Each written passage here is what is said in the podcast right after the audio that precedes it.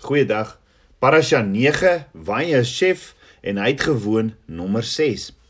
Ons het gesien nadat Josef sy drome met sy broers gedeel het, het hulle hom nog meer gehaat. En Genesis 37 vers 11 sê en sy broers was afgunstig op hom. Net so onthou na Yeshua versoek was in die woestyn en hy Nasaret instap by 'n sinagoge en daar die boek van Jesaja oopmaak en Jesaja 61 vers 1 tot 2 vir hulle lees wat sê die gees van die Here is op my omdat die Here my gesalf het om 'n blye boodskap te bring aan die ootmoediges. Hy het my gestuur om te verbind die gebrokenes van hart, om vir die gevangenes 'n vrylating uit te roep en vir die geboeides opening van die gevangenes. Om uit te roep 'n jaar van die welbehae van die Here en 'n dag van die wraak van onsse God om al die treurendes te troos.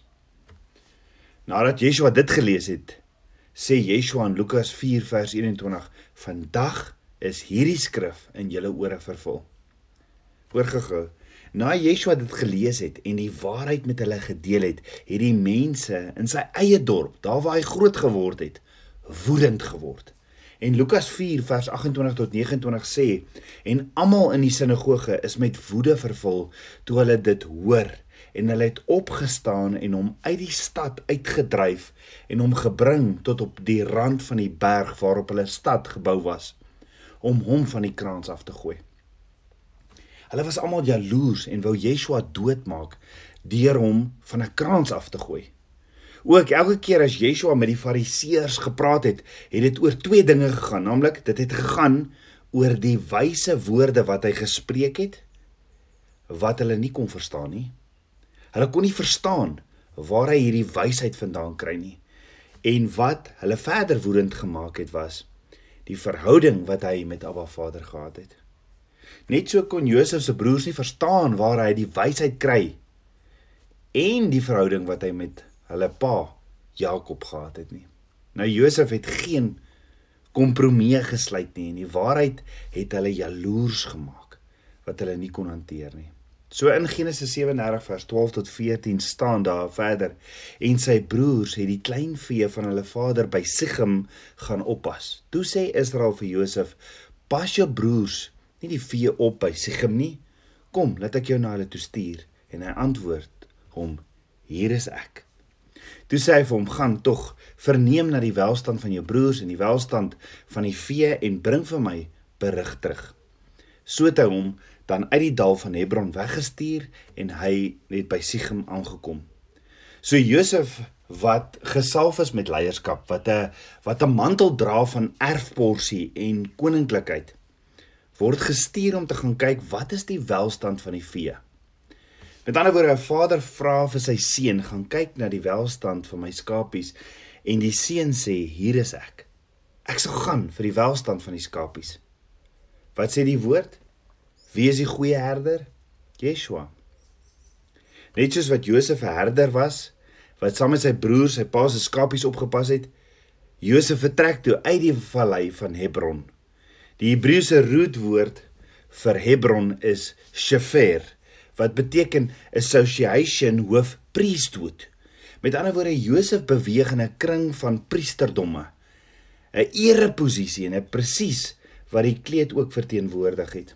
Omdat die veelkleurige kleed het profeties beteken, Josef gaan hierdie posisie van eer, hierdie posisie van leierskap en koningskap beklee.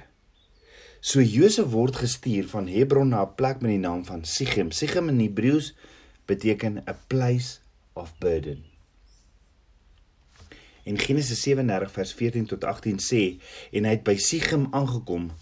Daarop kry 'n man hom terwyl hy in die veld ronddwaal en die man vra hom: "Wat soek jy?" En hy antwoord: "Ek soek my broers. Vertel my tog waar hulle die vee oppas." Toe sê die man: "Hulle het hiervandaan weggetrek want ek het hulle hoor sê: "Laat ons na Dothan gaan."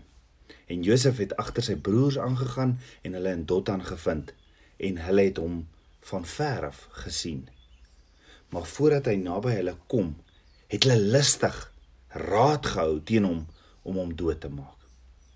Met ander woorde, jy sien 'n seun wat by sy vader gebly het, bekleë met 'n 'n posisie van eer, bekleë met 'n posisie van leierskap en koningskap, wat sy posisie verlaat om na 'n plek toe te gaan, 'n place of burden, om te gaan kyk na die welstand van die skapies en sy broers hoe hulle hoe dit met hulle gaan, wat is die welstand van sy broers en toe hulle hom sien aankom, het hulle lustig raad gehou teen hom om hom dood te maak. Hoor gou wat sê Johannes 1 vers 11. Hy het na sy eiendom gekom en sy eie mense het hom nie aangeneem nie. Net soos wat Josef se eie broers hom nie wou aanvaar vir sy profetiese drome nie en hom wou doodmaak, so het hulle presies met Yeshua gemaak. Yeshua het aarde toe gekom as die lewende woord om ons te kom vrymaak van die prys van sonde. Uh om ons te kom vrymaak om die prys van sonde te kom betaal. Yeshua het gekom om ons straf te vat op Golgotha en sê sit dit op my. Maar die maar die sy eie mense, maar sy eie mense het hom nie aangeneem nie en geskree kruisig hom uit jaloesie uit. Matteus 27 vers 17 tot 18 sê nadat hulle dan by byeen gekom het, sê Pilatus toe vir hulle: "Wie wil julle hê moet ek vir julle loslaat? Barabbas of Yeshua wat genoem word Christus, want hy het geweet dat hulle hom uit nydigheid oorgelewer het. Met ander woorde selfs Pilatus het geweet dis uit nydigheid en jaloesie dat hulle vir Yeshua oorgelewer het. So toe Josef nog so aangestap kom na sy broers toe. Toe sê sy broers vir mekaar in Genesis 37 vers 19 tot 20: "Daar kom daardie dromer aan. Kom dan nou, laat ons hom doodmaak en in een van die pitte gooi en sê 'n wilde dier het hom opgeëet.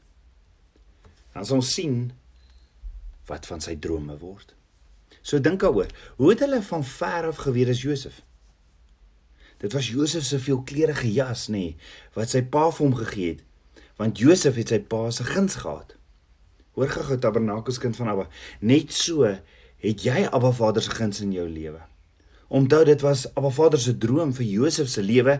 So al het sy broers beplan om hom dood te maak, gaan dit nie gebeur nie want wanneer Abba Vader 'n droom oor jou lewe het, dan sê Psalm 89 geen belofte wat Abba Vader oor jou het, sal hy terugtrek nie.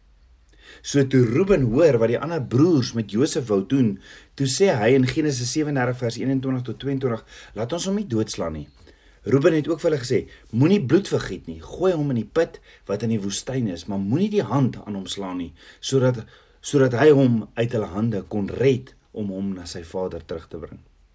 Met ander woorde, hier is Ruben die eersgeborene seun van Jakob op die uitkyk vir Josef, die 11de seun, en hy probeer hom beskerm.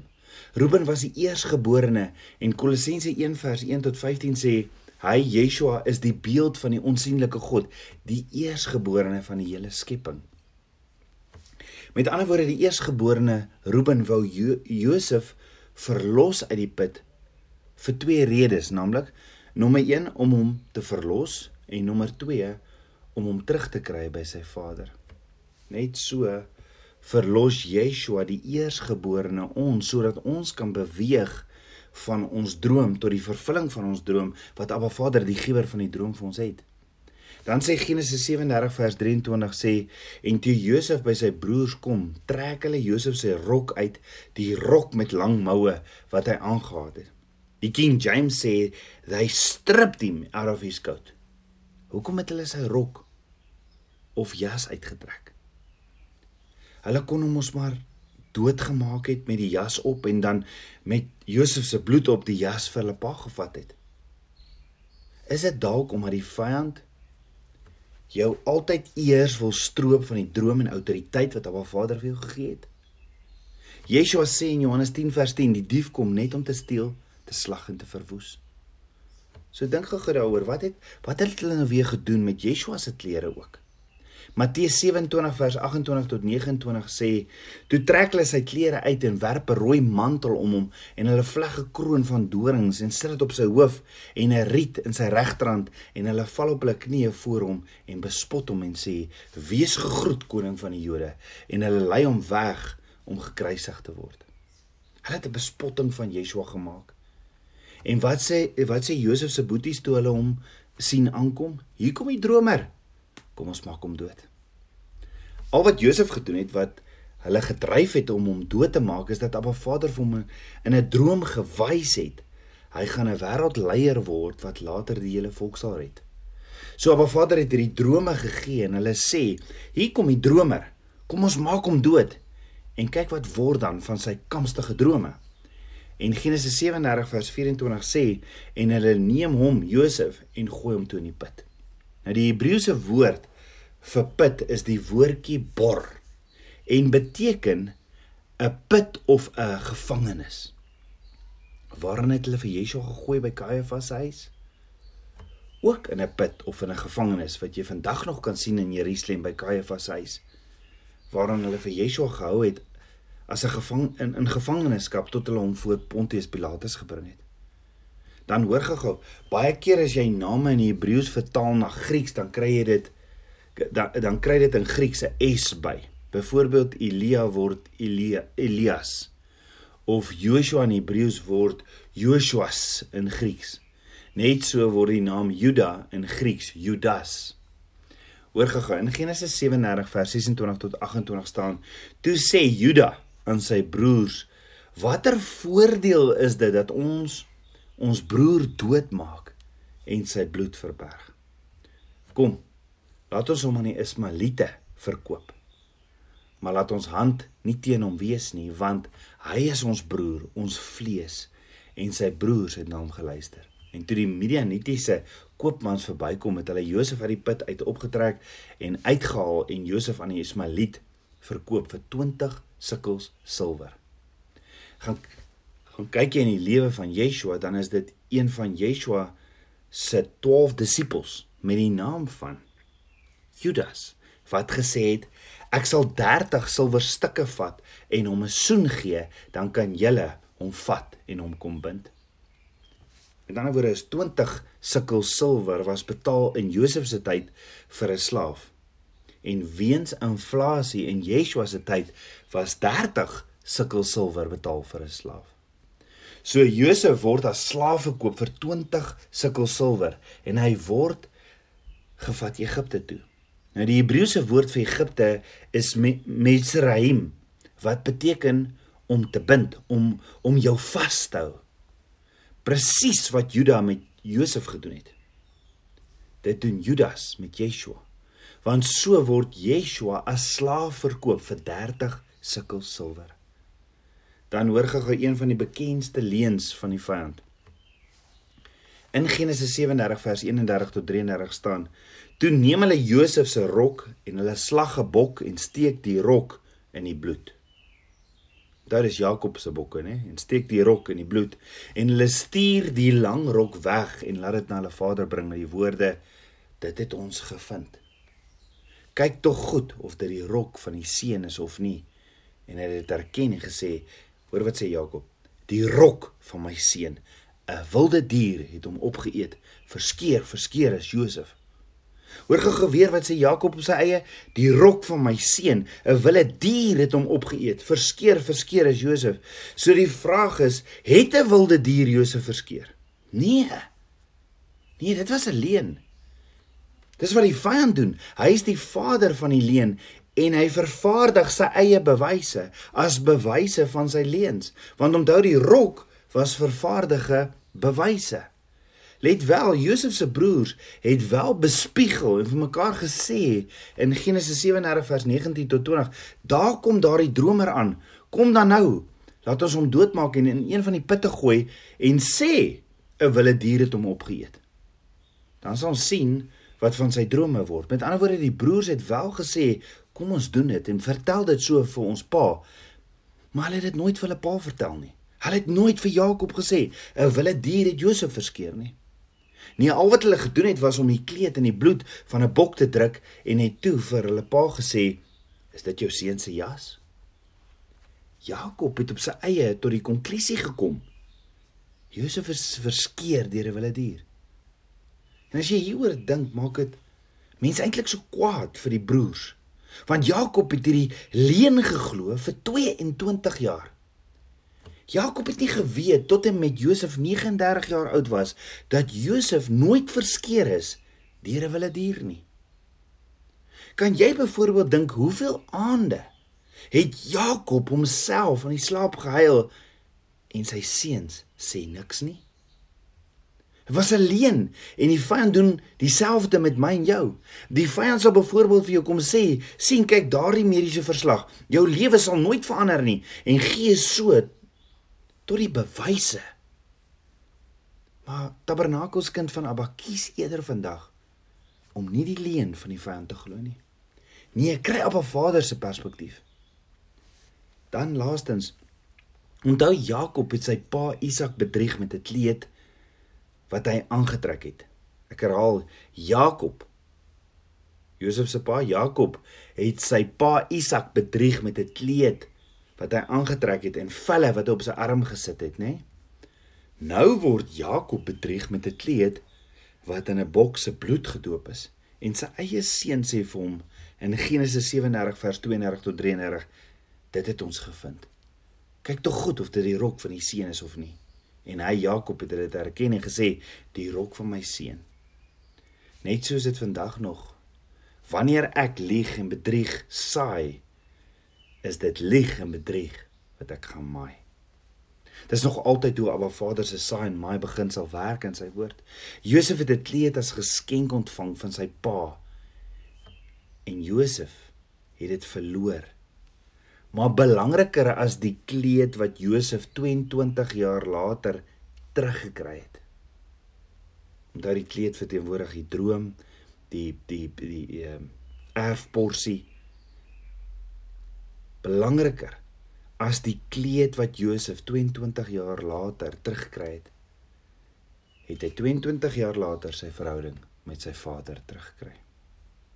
Net so moet ons kleed, ons gawes of enigiets nooit ooit belangriker raak as ons verhouding met Abba Vader nie. Net soos Josef bevind jy jouself dalk vandag in 'n put en wonder jy wat het geword van Abba Vader se droom vir my lewe. Weet vandag net soos Josef moenie vaskyk in die omstandighede nie. Nee, weet Abba Vader is nog nie klaar nie.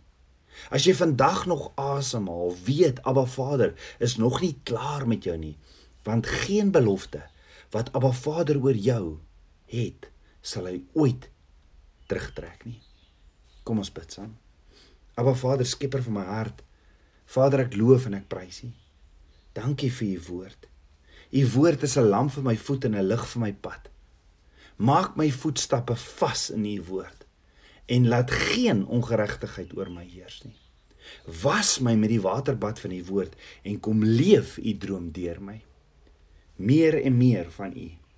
Ek bid dit alles in Yeshua Messie se naam, die seun van Jahweh. Shalom.